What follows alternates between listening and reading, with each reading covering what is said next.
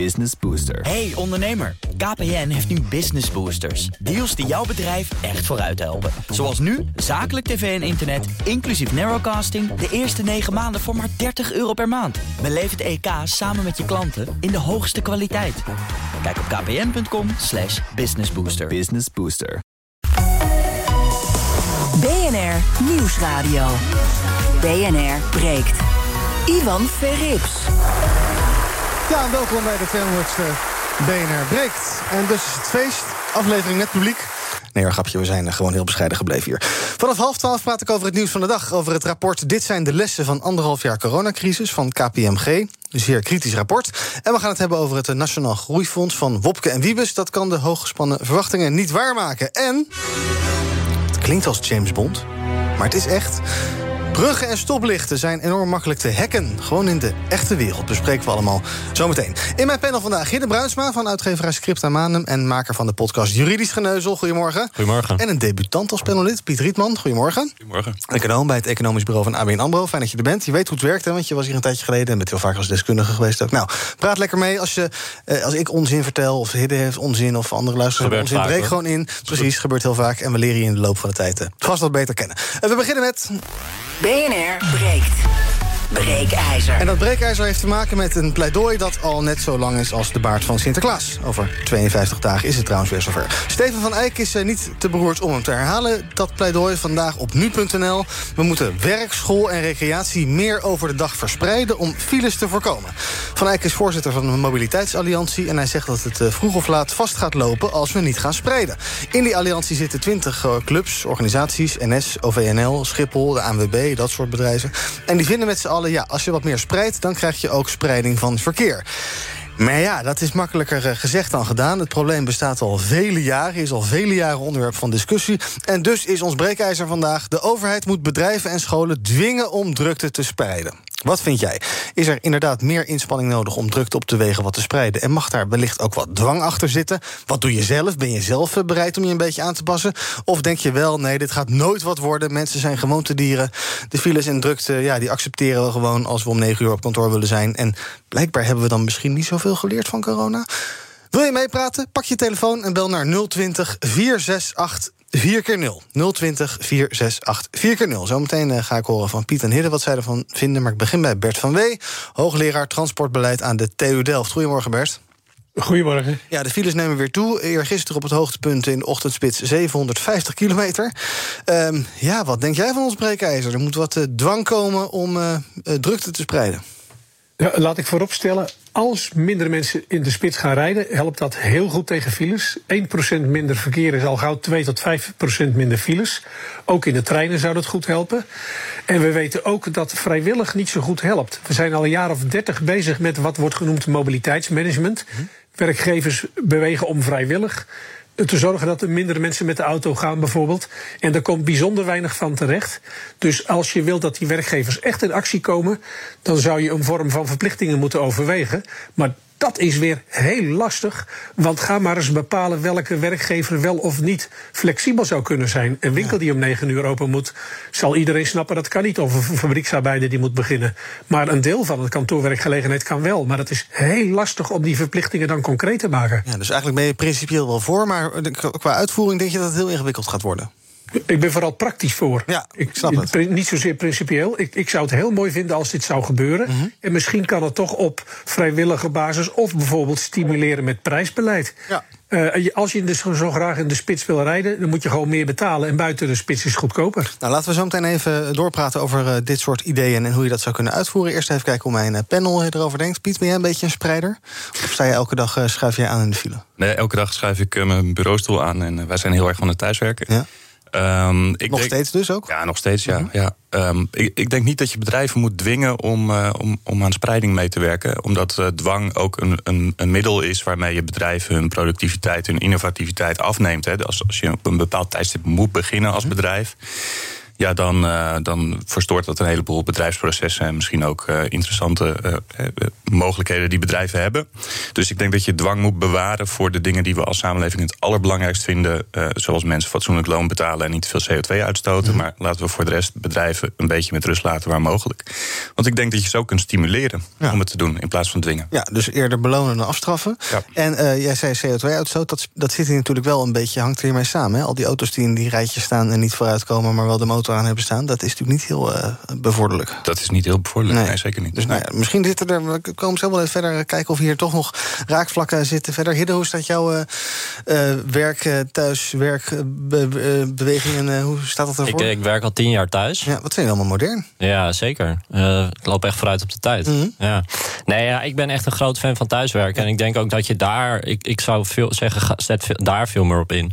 En ik vind dwang, ben ik ook niet zo'n fan van. En je mm -hmm. ziet dat er bijvoorbeeld een wetsvoorstel lag werken waar je wil. Ja. Nou ja, daar hoor je nu niks meer over. Dus ik vraag me dan ook af van ja, hoe, hoe, hoe, hoe gaat die dwang er dan uitzien? Ja. Als zo'n wetsvoorstel er dan niet doorheen komt vanuit de overheid. Wat, wat wil je dan gaan dwingen? Ja. Dat, dat, scholen in plaats van 10 uur eh, om 12 uur open gaan. En hoe ga je dat regelen? Dus ja. het lijkt mij heel praktisch heel ingewikkeld. Ja, je denkt dus dat het praktisch niet gaat. Ja. Um, Bert, jij zei dit is al geloof ik een jaar of dertig een probleem. Hè? Ik geloof dat we sinds halverwege vorige eeuw eh, files hebben in, in, in ons land. Misschien een beetje een rare vraag, maar waarom gaan we eigenlijk massaal in die file staan? Want iedereen haat dat toch? Nou, dat valt wel mee. Oh. Er zijn mensen die het heel vervelend vinden, maar er zijn ook veel mensen die vinden, laten we zeggen, ruwweg een kwartier, twintig minuten woon-werkverkeer helemaal geen probleem. Dus iemand die bijvoorbeeld van Zoetermeer naar Den Haag moet en die zou er tien minuten over doen zonder files en twintig met files. De, veel van die mensen vinden dat nauwelijks een probleem. We vinden het wel heel vervelend als je van Groningen naar Den Haag moet en dan ook nog eens een keer een half uur vertraging hebt. Dus ja, alles bij elkaar zijn we ongeveer bereid een tientje ervoor over te hebben. als we een uur minder in de auto hoeven te rijden. Dus mm. ja, over de hele linie vinden we het wel vervelend. Maar het is ook weer niet zo'n hele grote ramp. Ja, wat zou, jou, uh, wat, wat zou jouw belangrijkste bezwaar zijn tegen inderdaad al die files? Is dat het, het uitstootargument of is dat het uh, economieargument? Want dat is natuurlijk ook. Het is het. Het is niet zozeer het uitstootargument. Een auto stoot in de file van sommige stoffen wel wat meer uit. Maar mensen hebben gemiddeld genomen een vrij constante tijd voor reizen. En dat betekent dat als het beter doorrijdt, gaan ze weer meer kilometers afleggen. En dat kost uiteindelijk meer uitstoot. Mm Dat levert meer uitstoot op dan een uur stilstaan met een stationaire motor. Ja. Uh, maar we moeten het vooral doen voor economie. Maar dan moet je economie niet opvatten als wat van belang is voor het bruto nationaal product, wat we met z'n allen verdienen, maar opvatten als alles wat mensen waarderen.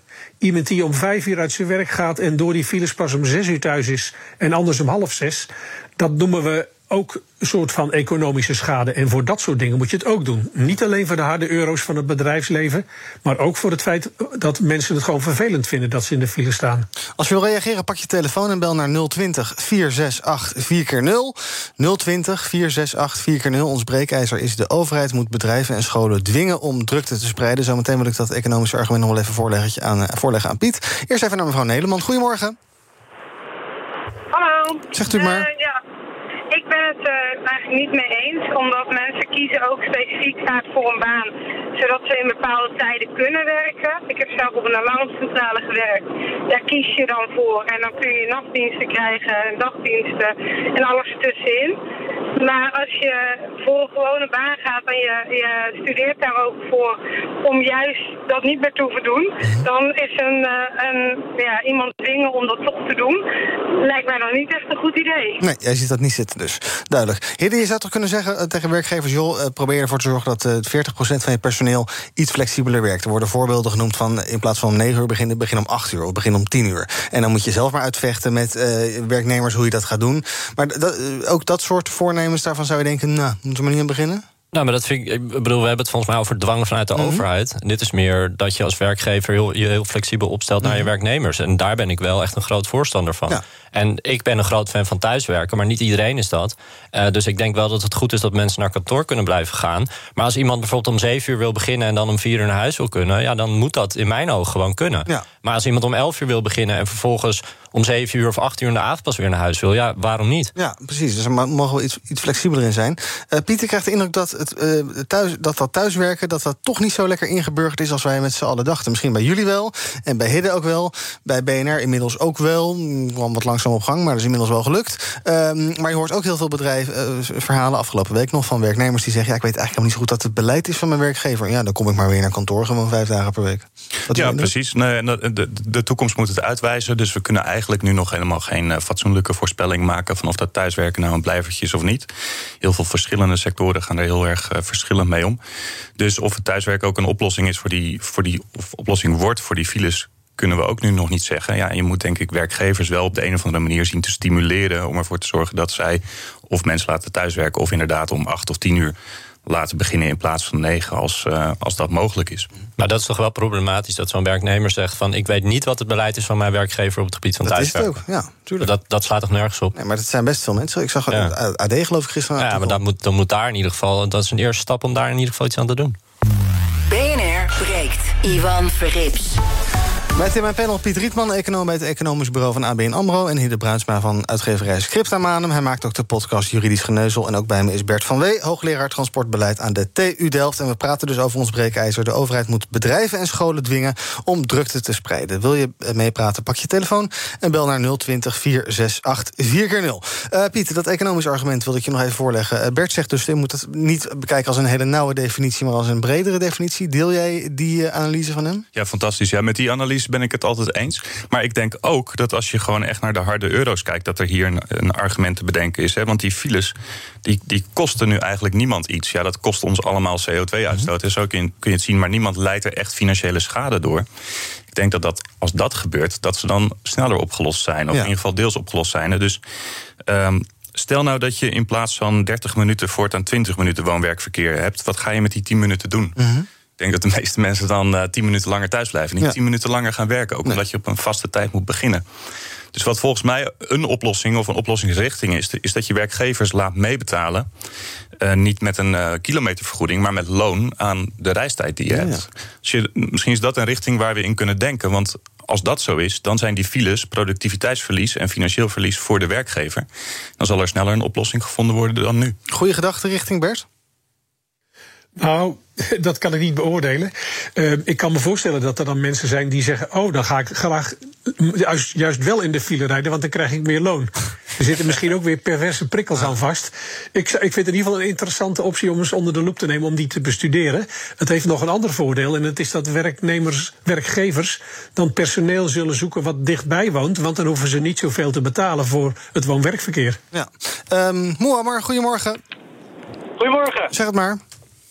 Uh, ik ben het er niet mee eens, want persoonlijk denk ik dat als er een constructie komt die dus werkgevers dwingt om dat te doen, dat er dan wel een workaround wordt gevonden en dat het dan uiteindelijk toch bij de werknemers terechtkomt. Ja. Zoals met heel veel dingen, dan wordt er gewoon gekeken naar wat kunnen we dan wel doen dat het ons goed uitkomt. Dus ik denk echt dat je de werkgevers erbij moet betrekken en kijken wat per sector per beroep echt goed werkt. Ja, wat dat doe je... gaat dan langer duren dan één regel en dan afdwingen. Ja. Ben je zelf een beetje een flexibele werker of sta je elke dag uh, netjes in de file, s ochtends vroeg en uh, aan het einde van de middag? Nee, ik ben heel flexibel. Ik heb gisteravond nog een hele late klus gehad en dan vandaag weer gewoon vroeg begonnen. Uh, gelukkig een uurtje later dan de file. Maar over het algemeen, ja, wij hebben te maken met heel veel diensten zeg maar in de haven en alles. Ja. En dan, ja, heb je daar toch gewoon op te komen draven wanneer het moet, zeg maar. Nee, dat gaat natuurlijk vol continu door. Dank voor het bellen. Frans Blom, goedemorgen. Goedemorgen. Zeg het maar. Uh, ik ben niet eens met de stelling, maar ik wil er nog één bij doen voor jou. Dat is misschien ook wel leuk. Stel dat mensen meer thuis gaan werken, of kunnen het werken, laat het dan zo noemen, en willen werken. Zouden we dan het probleem van uh, dat we de hoek van de samenleving, dat de kinderen weer opvoedbaar gemaakt kunnen worden door ouders, omdat ouders dan ook tijd thuis zijn uit school? Ja, misschien wel, maar dat is een beetje buiten de scope van deze discussie. Maar dan krijg je een beetje de vraag of, uh, of uh, je denkt dat het, dat het betere ouders worden dan, of niet? Nou, niet betere ouders, maar als je kinderen op de wereld zet, dan zul je ze ook op moeten voeden. De dierenwereld doet het ook. Als er een welp geboren wordt, dan laten we hem ook niet bij de BSO achter, hè, bij meneer Olifant, in plaats van hem zelf. Maar die bestaat niet in de dierenwereld, maar bij ons, bij ons bestaat die wel, de BSO. Nee, nee, nee, nee, wij hebben hem gecreëerd, dus iets heel anders. Ja. Ik denk dat deze discussie een beetje buiten het gesprek van vandaag valt, maar uh, wel dank voor het bellen. Um, uh, Bert, ik zag uh, Steven van Eyck zeggen in het artikel bij nu.nl, die zei zoiets als, ja, we zijn met z'n allen veel, veel flexibeler geworden dan door de coronacrisis. Ehm, is dat ook jouw indruk inderdaad? Want ja, we hebben inderdaad uh, thuisonderwijs gedaan... maar dan hoor je ook weer dat afstandsonderwijs eigenlijk slecht is. En nou ja, wat we dus constateren dat die files weer terugkomen. Ehm, thuiswerken is een beetje onduidelijk. Is jouw indruk, ja, hebben we iets geleerd van, uh, van de coronacrisis? Ja, er zijn behoorlijk veel onderzoeken naar uitgevoerd, vooral in het buitenland, maar ook een paar in Nederland. En die tonen aan dat we inderdaad veel flexibeler zijn geworden. Hmm. Mensen zijn meer gewend aan online vergaderen of andere dingen doen. Online onderwijs volgen of onderwijs geven bijvoorbeeld. Ze kennen de, de, tools beter, zoals Zoom en Teams, dat soort uh, zaken. Uh, veel mensen hebben een bureaustoel van hun werkgever gekregen of een groter scherm. En in enquêtes geven, zelf, geven mensen zelf aan dat ze liever graag meer gaan thuis en telewerken. Ja. Dus ik denk inderdaad dat we best wel wat geleerd hebben. En veel mensen hebben ook geleerd dat ze het prettig vinden dat ze veel flexibeler zijn om hun agenda in te delen. Ja. Want als je niet hoeft te reizen, ben je flexibeler. Ja. Dus redelijk wat mensen willen best wel vaker thuis en telewerken. Ja. Um, stel, ik hoor nu uh, niet heel veel enthousiasme voor echt dwang. Misschien wel voor een beetje uh, drang vanuit de overheid... om maar twee woorden uit de coronapandemie uh, erbij te halen. wat, is de, wat zijn dan eventuele antwoorden, Bert? Jij noemde al, ja, zou je dan misschien de trein gratis moeten maken... buiten de spitsuren of zo? Zijn dat, zijn dat, zijn dat idee, denkrichtingen?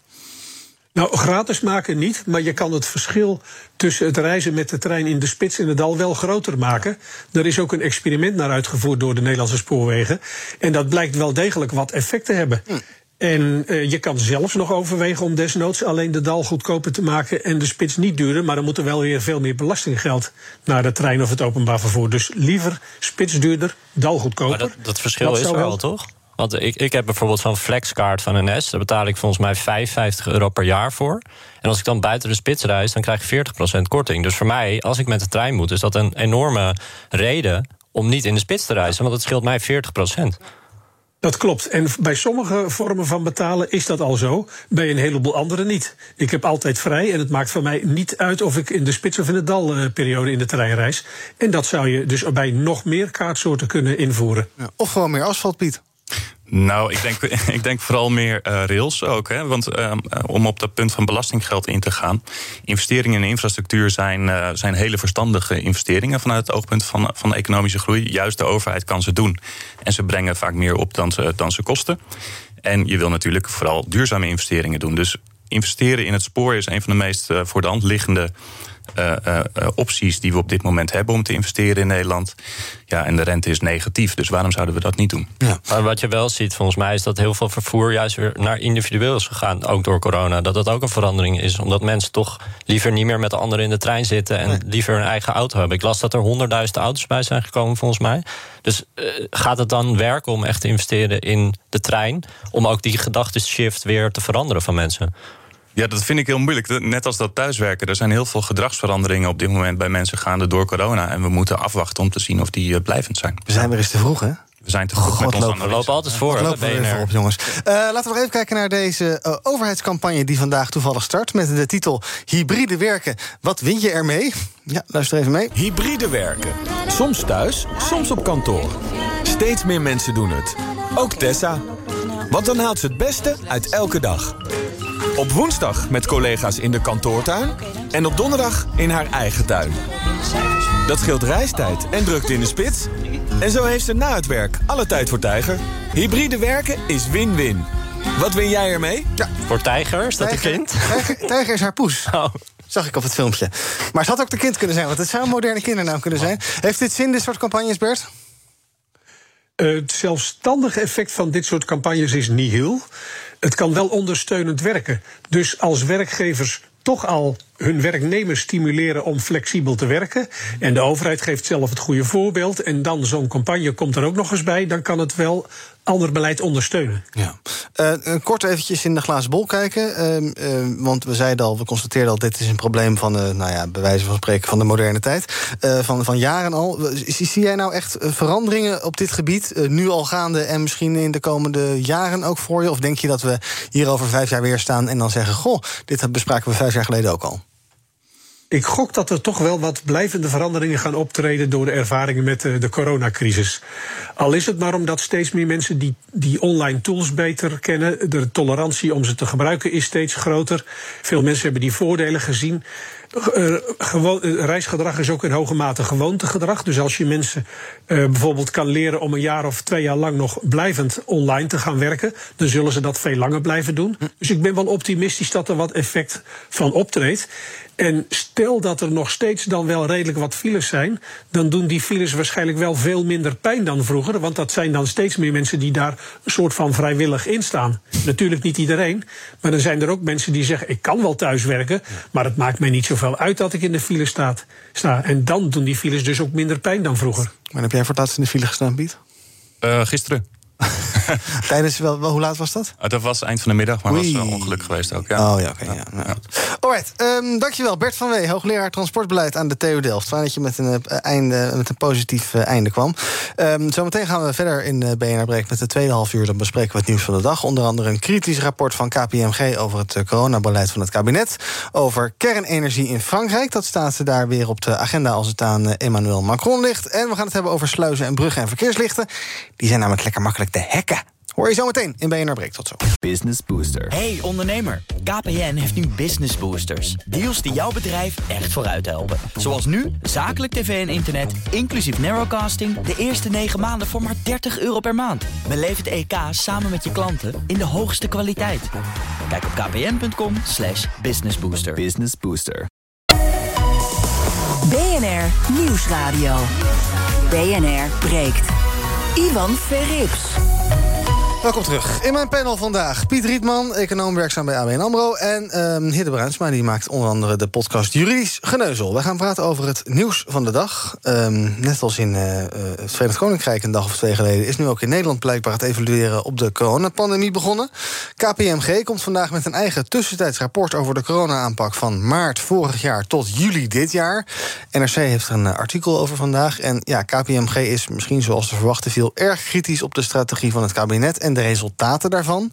Zo zijn volgens het adviesbureau meer doden gevallen omdat beleid werd gemaakt op basis van het aantal mensen in het ziekenhuis in plaats van op het aantal besmettingen. En dat zorgde dan weer voor laat ingrijpen. Ja, uh, flinke beschuldigingen dus, net als in het Verenigd Koninkrijk. Uh, onnodig doden gevallen. Hidde, dit was natuurlijk wel, ja, dit, dit was niet te voorkomen dat je, als je terugkijkt, dan is dit, het was natuurlijk een ongekende tijd. Ja. Waar, waar, niemand die nu leeft ervaring mee heeft gehad. Nee. Dus ja, uh, het, komt bijna niet, het komt bijna niet anders dan dat je dit soort kritische rapporten krijgt. Nee, vind ik ook. Ik bedoel, het is heel ja, makkelijk, is misschien niet het goede woord, maar het is natuurlijk makkelijker om achteraf terug te gaan kijken en dan heel kritisch te zijn over, nou, dit hadden we anders moeten doen, dit hadden we anders moeten doen. Ja, er zijn bepaalde keuzes gemaakt tijdens de pandemie of tijdens het hoogtepunt.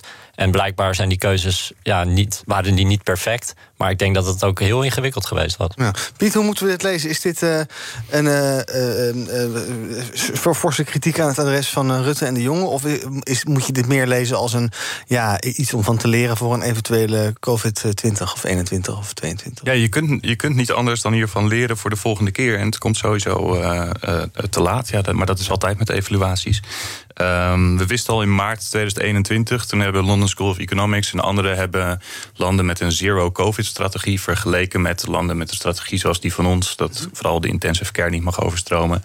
En dan zie je dat die zero-COVID-strategie, dus gewoon mikken op zo min mogelijk besmettingen, liefst nul, dat dat de beste is voor niet alleen het aantal doden dat er valt, mm -hmm. maar ook voor de economische groei. Dus dit weten we al een tijdje, maar goed, ook in maart 2021 waren we te laat met die kennis.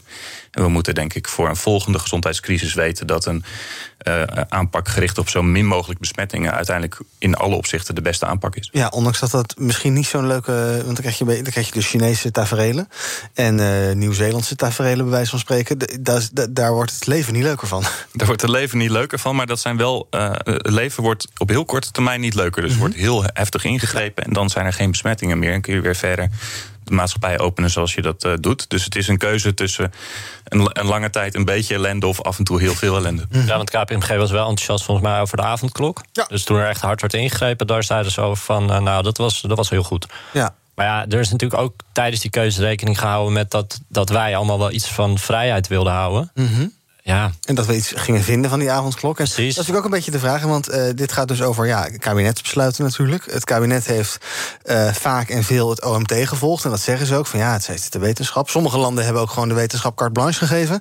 Uh, eigenlijk het beleid laten maken. Ja, hoe, hoe kijk je daarop terug? Um, dat vond ik wel interessant van KPMG. Dat ze zeiden de volgende keer ook buitenlandse experts eh, raadplegen. Mhm. Ik weet niet zeker of dat nu gebeurd is, maar dat vond ik dat ik dacht van, nou, dat is wel een interessante aanbeveling dat je dan toch meer die samenwerking zoekt met, met andere landen en dat je gaat samenwerken met uh, medische experts ook uit andere landen om te kijken van, hey, wat, wat is nou de beste strategie? Ja, maar dat kan toch nu ook wel. Je kan toch kijken in, bij wijze van spreken in de media en in, in, in uh, do, de onderzoeken wat dokter Fauci in de VS allemaal zegt en wat uh, uh, mensen in Noorwegen zeggen. Want ze, ja, maar ik denk wel dat, dat in de media soms andere dingen worden gezegd dan, dan, dan er worden besproken. En ja. ik denk wel dat, je, dat als je die samenwerking versterkt, uh, dat dat wel interessante dingen kan opleveren. Gelukkig is Outbreak Management Team al een Engelse term, dus daar kan je ook allerlei mensen bijvoegen.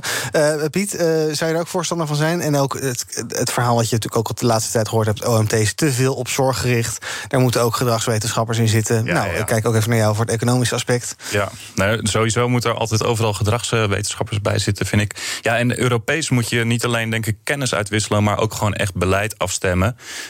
want je kunt wel buitenlandse wetenschappers erbij halen en die die dan zeggen dat een andere coronastrategie beter is. Maar, uh, en, en dan zelf bijvoorbeeld kiezen voor zero COVID als strategie. Maar als we dat in België en Duitsland niet doen, dan heb je daar weinig aan. Ja. Dus je ziet ook dat de landen die die zero COVID-strategie kiezen, dat zijn vaak eilanden. Um, dus ik denk dat je in Europees verband meer kennis moet uitwisselen. En in een Europees verband samen één coronastrategie moet hebben. Ja, want er werden toch heel veel Scandinavische landen aangehaald in het rapport? Dat het in ieder geval vergeleken heeft met Scandinavische landen. Maar ik weet nog wel dat aan het begin van de coronapandemie... dat Zweden juist heel erg ja. alles openhouden was. Ja. Die zijn twee, drie keer van beleid uh, gewisseld. Gewisseld, oké. Okay. Ja. die deden ook, die lieten toch die meneer Anders Teknel, geloof ik, een beetje de Jaap van Dissel van Zweden. Die was dan, uh, die, die was bij persconferenties te zien en niet de Hugo de Jonge van Zweden. Ja, gek hè? Zou je daarvoor zijn dat we een persconferentie met Jaap van Dissel hebben in plaats van met Hugo de Jonge? Ik vind hem wel een leuke man om naar te luisteren. Mm. Maar um, uiteindelijk uh, ligt de verantwoordelijkheid voor coronabeleid natuurlijk gewoon bij de overheid en niet bij experts. Ja. De overheid moet laten zien dat ze leunen op experts. Dat geeft ook vertrouwen. Maar uiteindelijk zijn zij verantwoordelijk en moeten zij natuurlijk daar staan. Ja. Um, begin volgend jaar komt er nog een rapport van de Onderzoeksraad voor Veiligheid. Er komt nog een parlementaire enquête. Nou, die zullen vast ook niet mals zijn. Nou is het uh, huidige kabinet al opgestapt, dus dat kan niet nog een keer. Dat is fijn. Uh, is, moet dit nou nog op een of andere manier uh, politieke consequenties hebben? Of zeg je ja, dat heeft eigenlijk helemaal geen zin? Want natuurlijk, we kunnen allemaal boos zijn op Hugo de Jonge. En dat is allemaal ja. vast ook wel terecht geweest en nog steeds. Maar ik ja, denk dat weinig zin uit. Mm. Ik denk dat je er vooral van moet leren voor een volgende keer. Uh, maar dat het niet heel veel zin heeft om nu te zeggen van nou die moet weg en die moet weg. Dat lijkt me niet uh, dat, het, dat heel veel nut heeft. Uh, we gaan praten over een ander punt waar vandaag kritiek op is in het Financiële Dagblad. Op het Nationaal Groeifonds. Het Wopke Wiebesfonds wordt het ook wel lollig genoemd. Want dat fonds dat zou zich te veel richten op de groei van het BBP. Vindt de Raad voor de Leefomgeving en Infrastructuur. En daardoor kan het fonds de verwachtingen eigenlijk helemaal niet waarmaken. Kort gezegd, het komt erop neer dat die 20 miljard om de economie te vernieuwen en groei aan te jagen. eigenlijk ten goede komt aan de oude economie. En nou zijn er wat. er is een eerste ronde geweest, hè, Piet, met plannen van, uh, ja. die, die, door uh, konden gaan. Bijvoorbeeld dus een iconisch ding natuurlijk... het doortrekken van de Noord-Zuidlijn tot Schiphol. Is dat inderdaad oude economie en zou je dat... Uh, ja, past dat eigenlijk niet in zo'n plan als je zegt van... het moet innovatief zijn en vernieuwend en groen en duurzaam... Nou ja, maar het, het, heet wel het Nationaal Groeifonds. Hè. Dus een van de doelstellingen is wel investeringen die groei aanjagen. Ja, en uh, dat, dat gebeurt, zo'n Noord-Zuidlijn. Dat is een klassieke investering in economische groei. Mm -hmm. Als je in infrastructuur investeert als overheid, dan uh, zorg je daarmee voor meer economische groei. Uh, dus ik, die kritiek deel ik niet. Maar goed, daarnaast zou je natuurlijk kunnen kijken van... oké, okay, wat zijn nou Waarom moet het nou in zo'n fonds? Want uh, een Noord-Zuidlijn kun je ook gewoon vanuit uh, de reguliere overheidsbegroting financieren. En een van de ideeën achter het Nationaal Groeifonds was ook dat we zouden kijken naar inderdaad innovatieve dingen die een wat langere termijn uh, perspectief hebben. En dan moet je meer denken aan investeringen op het gebied van duurzaamheid. Wat risicovoller ook. Wat risicovoller ook. En ja, het idee was dan dat de overheid voorloper zou zijn. Dus dat die geld zouden uitlenen, maar dat daarna ook andere investeerders zouden loskomen. Dus dat er kapitaal vrijkomt omdat de overheid de eerste stap neemt. Nou ja, en dat is bij zo'n klassieke investering als die Noord-Zuidlijn natuurlijk niet het geval. Dus ik deel wel de kritiek dat je Um, uh, daarnaast ook in nieuwe en innovatieve dingen moet uh, investeren. En dat geld is er. Ik heb het nog even opgezocht. IMF heeft ook kritiek gehad op het Nationaal Groeifonds vorige week. En die zeiden van ja, voor komend jaar is er 3,4 miljard euro beschikbaar. En daarvan wordt er naar verwachting nog geen 216 miljoen uitgegeven. Ja. Dus al die extra investeringen, die kunnen wel gedaan worden. Ja, ik weet niet wat Wouter Bosstelen dat aan het doen is, maar eh, die beoordeelt die eh, dingen toch? Die beoordeelt die dingen. Ik weet niet of het aan hem ligt. Hm. eh, maar ehm, er zou in ieder geval veel meer vanuit dat fonds geïnvesteerd kunnen worden. En dit moet dus eh, vernieuwend zijn, is het idee. Dus dan moet je natuurlijk niet de Noord-Zuidlijn doen, maar dan moet je de Hyperloop aanleggen. Ja, precies. Heb jij nog andere baanbrekende ideeën waar je mee aan de slag zou kunnen dan? Nou, ik las dat ze ook flink hadden geïnvesteerd wel in waterstof. Dat er een paar initiatieven waren waar daar geld naartoe is gegaan. Ehm, ja, ik denk dat er zoveel ideeën voor innovatie zijn. Dat het echt heel raar is dat er, dat er 200 miljoen maar gereserveerd is. Of dat er veel meer gereserveerd is, maar dat maar 200 miljoen wordt uitgegeven. Ik denk dat, het, dat je makkelijk dat geld kan uitgeven. Ja. Hoe komt dat dan, Piet, dat dat, niet, dat, dat blijkbaar blijft, bl- blijft stokken? Zijn we dan toch te bang of durven we geen risico te nemen? Want het is natuurlijk een enorm afbreukrisico, ook voor de politiek. Als projecten dan toch mislukken, dan ga je alsnog verhalen krijgen. Ik zie de voorpagina van het FD al voor me. Miljarden weggegooid enzovoort. Ja, maar ja, enzovoort. dat heb je met innovatie. Ja, dat precies, maar dat is natuurlijk wel eng. Ja. Dat is eng, maar, Ja. maar daar, gaat het, daar gaat het juist om. Hè. Dus je moet denk ik, eh, als je investeringen doet met zo'n groeifonds, dat gebeurt op dit moment ook in andere landen in Europa, dan moet je juist kijken naar, naar investeringen die mogelijk de mist ingaan. En dat is een ontzettend eng idee als Ja. overheid, want we zijn dat als Calvinisten ook helemaal niet gewend om zo met ons belastinggeld om te gaan. Maar eh, het is uiteindelijk wat op lange termijn voor duurzame groei zorgt. Dus als je bijvoorbeeld kijkt naar regio's. Hè, we hebben dan zo'n eh, eh, eh, high-tech gebied rondom, rondom Eindhoven. We hebben Food Valley Wageningen. Als je daarin investeert, ja, je kunt dan investeren in de infrastructuur eromheen. En, en dat soort dingen. Nou, dan weet je zeker dat het wat oplevert. Ja. Maar je kunt ook kijken naar, oké, waar zijn die bedrijven en instellingen mee bezig? En wat voor nieuwe dingen zijn ze aan het ontwikkelen? Mhm. Misschien levert dat helemaal niks op als we erin investeren, maar laten we het toch doen. Eigenlijk moet je daarnaar op zoek. Nou, wat ik las laatst, bijvoorbeeld Leonardo DiCaprio heeft geïnvesteerd in Mozameat, een Nederlands bedrijf in kweekvlees. Dan denk ik, ja, waarom steekt de overheid daar dan ook geen geld in? Ja, misschien moet hij op de stoel van Wouter Bos gaan zitten. Ja. Ehm, zou je zeggen, als, als we op deze manier doorgaan met het Nationaal Groeifonds, dan kan je er misschien beter mee stoppen? Want eh, ja, dan is het dus, dan zeg je inderdaad, wat je, wat je gaat financieren, dat kan je ook gewoon vanuit lopend beleid doen, en vanuit, vanuit begroting. En dan heb je eigenlijk dit vehikel helemaal niet nodig. Ja, maar het is wel de grootste open deur die je op dit moment kan intrappen met zo'n lage rente. Eh, nee, ik bedoel voor de Oh, overheid, ja. niet voor jou. Ehm, de grootste open deur die je nu kunt intrappen is om, om grootschalig te investeren in nieuwe technologieën en in infrastructuur. Mhm. En ja, daar, daar kan dat fonds heel goed eh, voor gebruikt worden. Er zit geld in. Dat geld wordt niet gebruikt. Dus laten we eerst eens op zoek gaan naar allerlei nieuwe investeringen die we kunnen doen, zou ik zeggen. Nog suggesties? Moeten ze niet veel meer samenwerking zoeken? Bijvoorbeeld met een tech, tech leap of zo. Dat, dat is een, zo'n incubator voor start-ups, een hele community. Weet je, het lijkt me dat, dat daar zoveel innovatie rondloopt waar geld naartoe kan. Ja, het lijkt mij ook. Ja. Alright, ehm, nu we het toch hebben BNR breekt. over groeifonds en techleap en eh, dat soort zaken. Opeens dan komt, komt een beeld van Thomas van Zel bij me naar boven. Ja, Zaken doen. snap ik wel. Ja. Ja. Wat ga je zo meteen doen? Hoe ziet jouw eh, menukaart eruit? Nou, over menu gesproken. Iets later in de uitzending gaat het over investeren in whisky. Dat kan. Mhm, Misschien wordt groeifonds een paar miljard. Ja, er zijn hele dure flessen en die worden alleen maar meer waard. Tenzij je ze opdrinkt natuurlijk, maar dan werk je weer mee aan de schaarste. Dus het is een interessante paradox, mocht je toch een keer een druppel nemen. Ehm, dat ga ik bespreken, maar ik begin de uitzending met René Jansen van de Kansspelautoriteit. De toezichthouder die eindelijk ook echt iets heeft om toezicht op te houden. Want eh, er is nogal wat veranderd als je kijkt naar het legale aanbod van online gokken. Ehm, er waren heel veel gegadigden. Er zijn er tien door het poortje heen gekomen. Wat gebeurt er nu met de rest? En gaan mensen die online gokken ook echt voor dat legale aanbod kiezen? Dat bespreek ik. Eh, uiteraard is er ook weer ruimte voor het boardroompanel... met veel te veel onderwerpen. VDL, Coolblue... PON, dat de grootste fietsfabrikant ter wereld is geworden. Het komt allemaal terug in BNR Zaken doen. Ik zal niet uitlopen. Eh, zometeen om 12 Oh ja, uur dat was dus. natuurlijk eigenlijk de boodschap. Thomas van Zel, ja, de hint is elke dag duidelijk. Dankjewel. BNR breekt. Ehm, over gokken gesproken, is iemand hier een beetje dat Nee. je eh, iets daarvan voelt? Of uh, gokken ver, verslavingsgevoelig? Ik vind het heel eng. Ja? Ja? Waarom? Nou, dan kun je je geld kwijtraken. Ja, maar dan ga je ook heel veel winnen. Ja, ja, ja. Het is toch een nuchtere econoom blijkbaar, hè? Ja, zeker. Ja, hm, Oké. Ehm, we gaan kijken wat eh, jullie opviel in de media. Hidde, jij wil het graag hebben over deze meneer. Luister eens mee. Premier objectif, objectif numéro un, c'est faire émerger, émerger en France, d'ici 2030, des réacteurs nucléaires de petite taille innovants avec une meilleure gestion des déchets. Dit is Emmanuel Macron, de Franse president... die eh, met een grootschalig investeringsplan voor de Franse industrie komt. En hij wil daarbij flink inzetten op de bouw van nieuwe kerncentrales. Ja. Is dat een goed idee? Nou, ik vind het een hele interessante gedachte. Ik, ik eh, volg de markt voor uranium al een tijdje. En die is eh, een paar maanden geleden helemaal ontploft. Omdat er een. Het is niet zo'n goed idee als eh, kerncentrales ontploffen. Nou, Nee, nee. nee, omdat er een eh, fonds in eh, Canada is geweest en die zijn heel veel uranium gaan opkopen. En dan denk je misschien van, nou, dan wordt die prijs veel hoger, dus dat is niet interessant. Maar dat is dus juist wel interessant, want daardoor wordt, wordt het interessanter voor pro- producenten om daarmee aan de slag te gaan. Omdat de prijs van uranium is heel lang zo laag geweest dat het niet rendabel was om iets mee te doen. Die prijs stijgt nu. Als die verder doorstijgt, dan wordt dat dus steeds interessanter. Ehm, en ik denk dat het een hele mooie manier kan zijn om eh, energie op te wekken. Waarbij je eigenlijk op een vrij groene manier. Dus het, het, ik, ik denk dat het een hele goede toevoeging kan zijn aan de energietransitie waar we mee bezig zijn. Ehm, en ik, ik, ik snap niet dat Nederland daar niet veel meer mee bezig is. Ik denk dat er een paar argumenten zijn. Namelijk dat je, wat moet je met het afval? Ik weet dat je hier allemaal antwoorden op hebt hoor. Maar wat moet je met het afval? En eh, ik denk dat mensen het ook nog steeds gewoon eng vinden.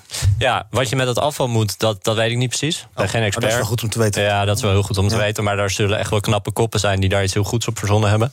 En dat het heel eng is, ja, er zijn, er zijn incidenten geweest in het verleden, inderdaad, eh, grote rampen. Ja, de laatste is tien jaar geleden.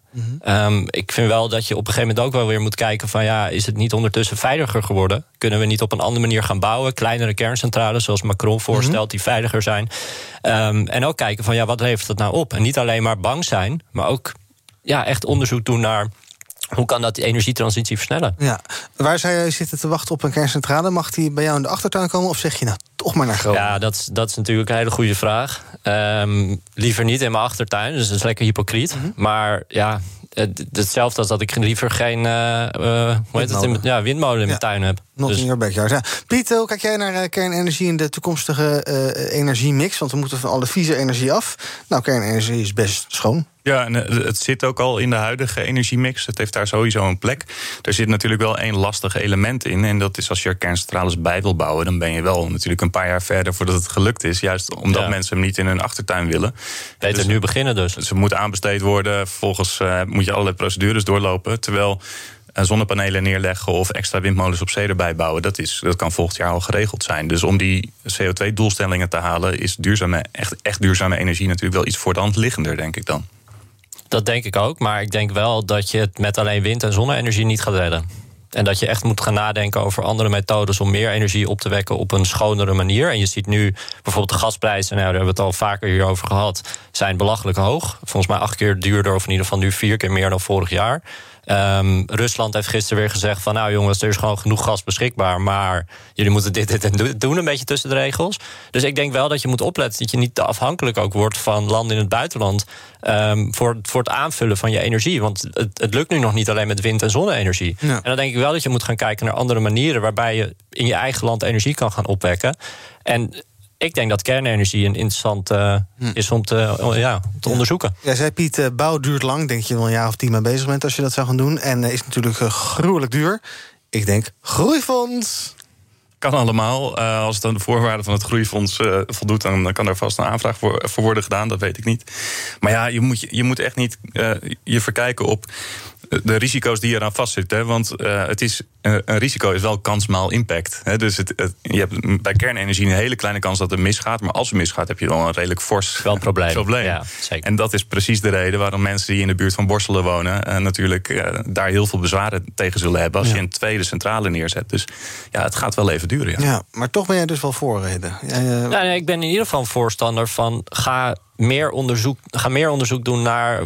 Kan dat wat doen voor Nederland? Kan dat wat doen voor Europa? Ja. Eh, en ik heb het idee dat er nu in Nederland nog relatief weinig mee gebeurt. En dat vind ik dan interessant aan Macron. Ze gaan nu wel heel veel geld beschikbaar stellen om de dingen te bouwen. Ze hebben er dus goed onderzoek naar Ja. gedaan. En zij zijn er echt mee bezig om die transitie te versnellen op die manier. Ik denk dat Frankrijk wel een iets andere relatie met kernenergie heeft. Maar ja, wij zijn natuurlijk een beetje bang voor. Maar goed, oké.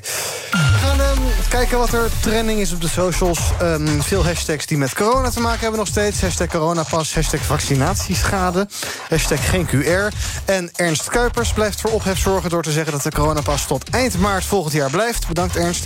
En hashtag toeslagenaffaire is hot and happening... net als hashtag kinderbijslag. En natuurlijk hashtag DDK... En het eh, nieuw in ons panel, Piet, hashtag DDK. Wat betekent dat? Dikke donderdagknuffel. Oh, wat leuk. Ja, alleen donderdag dus. Nou, weet je dat ook weer. Zo leer je toch nog eens wat, hè? Het kan dus niet als je thuis werkt. Met jezelf. Met jezelf. Met jezelf Ja. knuffelen. Of met je poes tijger. Oh ja, dat, dat kan ook. Enfin, eh, we gaan even naar een bijna James Bond-achtig onderwerp. Namelijk, eh, wat blijkt, eh, het onderzoek van AG Connect en Binnenlands Bestuur. De controlesystemen die onder andere rioleringen, sluizen en verkeerslichten aansturen... die zijn kwetsbaar voor hackers. Het updaten en veilig houden van die systemen blijkt erg moeilijk te zijn voor overheden. Staat dus in dat onderzoek. Die systemen bestaan allemaal heel erg lang en zijn volgens Sjoerd Harthold van AG Connect van oorsprong helemaal niet bedoeld om een internet te hangen. Toch eh, gebeurt dat vaak. Het is een, eh, een handige manier om eh, nou ja, te besparen op personeel bijvoorbeeld. Want normaal zou je dat dan op locatie eh, moeten aansturen. En nu kun je dat dus vanaf internet doen. Nou, iemand nog interesse om brugwachter te worden? Want blijkbaar is het allemaal niet veilig als we dat gaan Nee. centraliseren. Ik las ook dat veel van de systemen nog op Windows XP draaien. Ja. Ja. Dat is wel tamelijk onvoorstelbaar. Ja, is wel debiel, ja. Ja, ik- zal ik, iets, zal ik iets opbiechten? Ja? We hebben tot een paar maanden geleden hier ook nog een PC gehad die op Windows XP draaide. Die was geloof ik voor het bedienen van een slagboom of iets dergelijks. Hij is inmiddels vervangen, weet ik, maar het is wel een beetje gênant. Ja. Eh, is dit een eh, groot risico, Piet? Ja, maar wat is nou de oplossing? Is dat, dat, eh, dat je geen eh, eh, ehm, computers meer gebruikt waar XP op staat... of dat je eh, eh, ze allemaal van het internet af? Nou, zeg het maar. Ik, ik, zou zeggen dat je, ik zou zeggen dat je investeert in technologie... zodat je dit soort leks, lekken in de voort, eh, voortaan voorkomt. Ehm, kijk, ehm, eh, er raakt steeds meer en steeds meer dingen raken aangesloten op het, op het internet. En dat is toch wel een heel, heel moeilijk te keren beweging. Dus dan moet je eigenlijk parallel daaraan investeren in, in beveiliging. En ja, eh, laten we ook eh, creatief zijn daarin. Het feit dat mensen soms dingen hacken, dat is natuurlijk eigenlijk ook heel leuk. En laat heel erg goed zien waar de, waar de beveiligingsrisico's zitten. Ja, tot het gevaarlijk wordt. Tot het gevaarlijk wordt. Kijk, eh, het gaat nu om, eh, om bruggen en om, eh, om verkeerslichten. En dan kan ik me voorstellen dat mensen die kwaad willen... alle verkeerslichten in Nederland tegelijkertijd op, op groen zetten. Dan heb je een probleem. Maar goed, als iemand, als ergens een puisterige puber in het dorp... eh, een brug openzet voor de lol, dan is dat natuurlijk hartstikke grappig. En dan moet je eigenlijk tegen zo iemand zeggen... leuk, gefeliciteerd, bedankt voor het aantonen van het lek... en wil je een baan als, als, als beveiligings... Cyber iets bij de Ja. overheid, ja. Ja. Ehm, hoe slim is jouw huis zitten? Mijn huis? Ja, heb je allemaal lampen aangesloten en koelkasten en ovens en dat soort zaken? Nee, niks. Heel dom huis. Heel is dat, dom Is dat huis. bewust? Nee, ik, ik heb daar eigenlijk helemaal niet over nagedacht. Nee, nou ja, smart echt- home is ook allemaal helemaal hip, maar er zitten ook allemaal risico's aan. Hè? Dat je Ja. hackers s'nachts je lamp aanzetten terwijl je ligt te slapen. Ja, dat lijkt me niet heel fijn. Nee. nee, nee, ik heb geen smart eh, dingen in mijn huis. Nee. Nee, nee, niet per se bewust. Nou, niet- Ja, nou. Piet, jij? Ja, ja, ik heb alles ook een beetje goed beveiligd. Ik vind het inderdaad wel een eng... Hoe dan? Ja, gewoon dat je... Dat kan je niet zeggen. Nou, dat kan ik niet zeggen. Nou, wat, maar lampen en zo, de hele kleren zo? Nee, nee, nee, ik heb dat niet aangesloten op internet. Nee, maar ik, ik, zorg- je moet er wel voor Jij wel, je- Johan? Ja. Ja, ik, nou ja, ik kan wel vanaf mijn iPhone nu mijn lampen bedienen. Ja? En je verwarming? Eh, ja, ook. Oké. Maar waarom wil je dat eigenlijk? Ja, als je lampen koopt, dan waarom zou je ze nu niet slim kopen? Dat is gewoon gemak. Maar wat ik, wel- wat ik wel altijd denk, eh, wa- wat een beetje tricky is, denk ik... maar dat is meer mijn gevoel... is om dan koop dan niet de goedkoopste spulletjes van de, Van de Lidl, van de. Lidl en de Action. Maar ja, kijk, het is natuurlijk ook geen garantie als je dure lampen koopt... maar ik heb wel de dure lampen gekocht... en dan maar hopen dat niet iemand s'nachts aanzet. Ja, ik heb vooral heel veel lampen gekocht die heel zuinig zijn. Ja, nee, dat geldt voor deze ook hoor. Die zijn zo duur dat ze wel heel erg zuinig moeten zijn. Want ik heb al heel veel geld uitgegeven aan die lampen. Ehm, maar goed, ehm, inderdaad, eh, vooral investeren in cyberveiligheid. En eh, niet alles meer van nu van het internet gaan halen. Want dat is natuurlijk een beetje de weg terug. Nou, ja, maar dat systemen nu nog draaien op XP, dat is natuurlijk echt debiel. Eh, maar ik las ook dat, dat, dat ze het, eh, gemeenten en zo het ook heel eng vinden om die systemen te updaten, omdat ze dan bang zijn dat het niet meer werkt. Dus het is wel dat je denkt van jongens, ja, hebben jullie onder een steen geleefd? Dat daar nu pas echt actie op wordt ondernomen. Want dit is al jaren is dit een ontwikkeling waar je, waar je echt ja, wel aandacht aan moet gaan besteden. Voordat mensen nu gaan scannen naar die Windows XP-computer hier bij BNR... die stond geloof ik helemaal niet op het internet aangesloten. Dus maak je wat dat betreft geen zorgen. Dank jullie wel eh, voor je aanwezigheid vandaag. Vond je het leuk, Piet? Ik vond het wel lachen. Mooi, kom je dan volgende keer weer? Ja, is goed. Heel goed. Piet Rietman, econoom van het Economisch Bureau van ABN AMRO... en Hidde Bruinsma van uitgeverij Scripta Manum. En hij maakt ook de podcast Juridisch Geneuzel. Ik heb denk ik de meest recente aflevering gehoord. Waar ging die over? Eh, Die ging over privacy op de werkvloer. Eh, heb ik die nog niet gehoord. Ga ik even luisteren in de auto terug naar huis zometeen. Buiten Over de, spits. coronascan op het werk. Heel Oh. interessant. Of de corona-toegangspas op het werk. Goeie reclame. Ik zal een factuurtje sturen. Morgen is BNR Breekt er weer. Tot die tijd kun je ons volgen via de socials. eh, YouTube, Twitter, Instagram. Nou, je weet ons wel te vinden. Zometeen dus zaken doen met Thomas. Tot morgen. Business Booster. Hey ondernemer, KPN heeft nu Business Boosters. Deals die jouw bedrijf echt vooruit helpen. Zoals nu, zakelijk tv en internet, inclusief narrowcasting... de eerste 9 maanden voor maar 30 euro per maand. Beleef het EK samen met je klanten in de hoogste kwaliteit. Kijk op kpn.com slash businessbooster. Business Booster.